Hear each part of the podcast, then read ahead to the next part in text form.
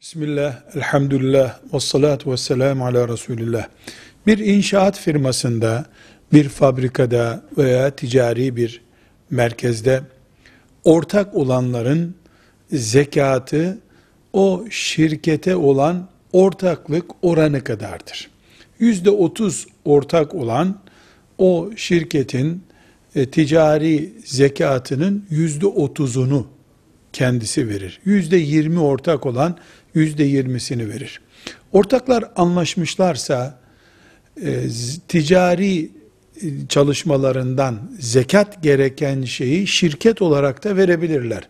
Yani herkes hissesi kadar yine zekatını vermiş olur böylece. Velhamdülillahi Rabbil Alemin.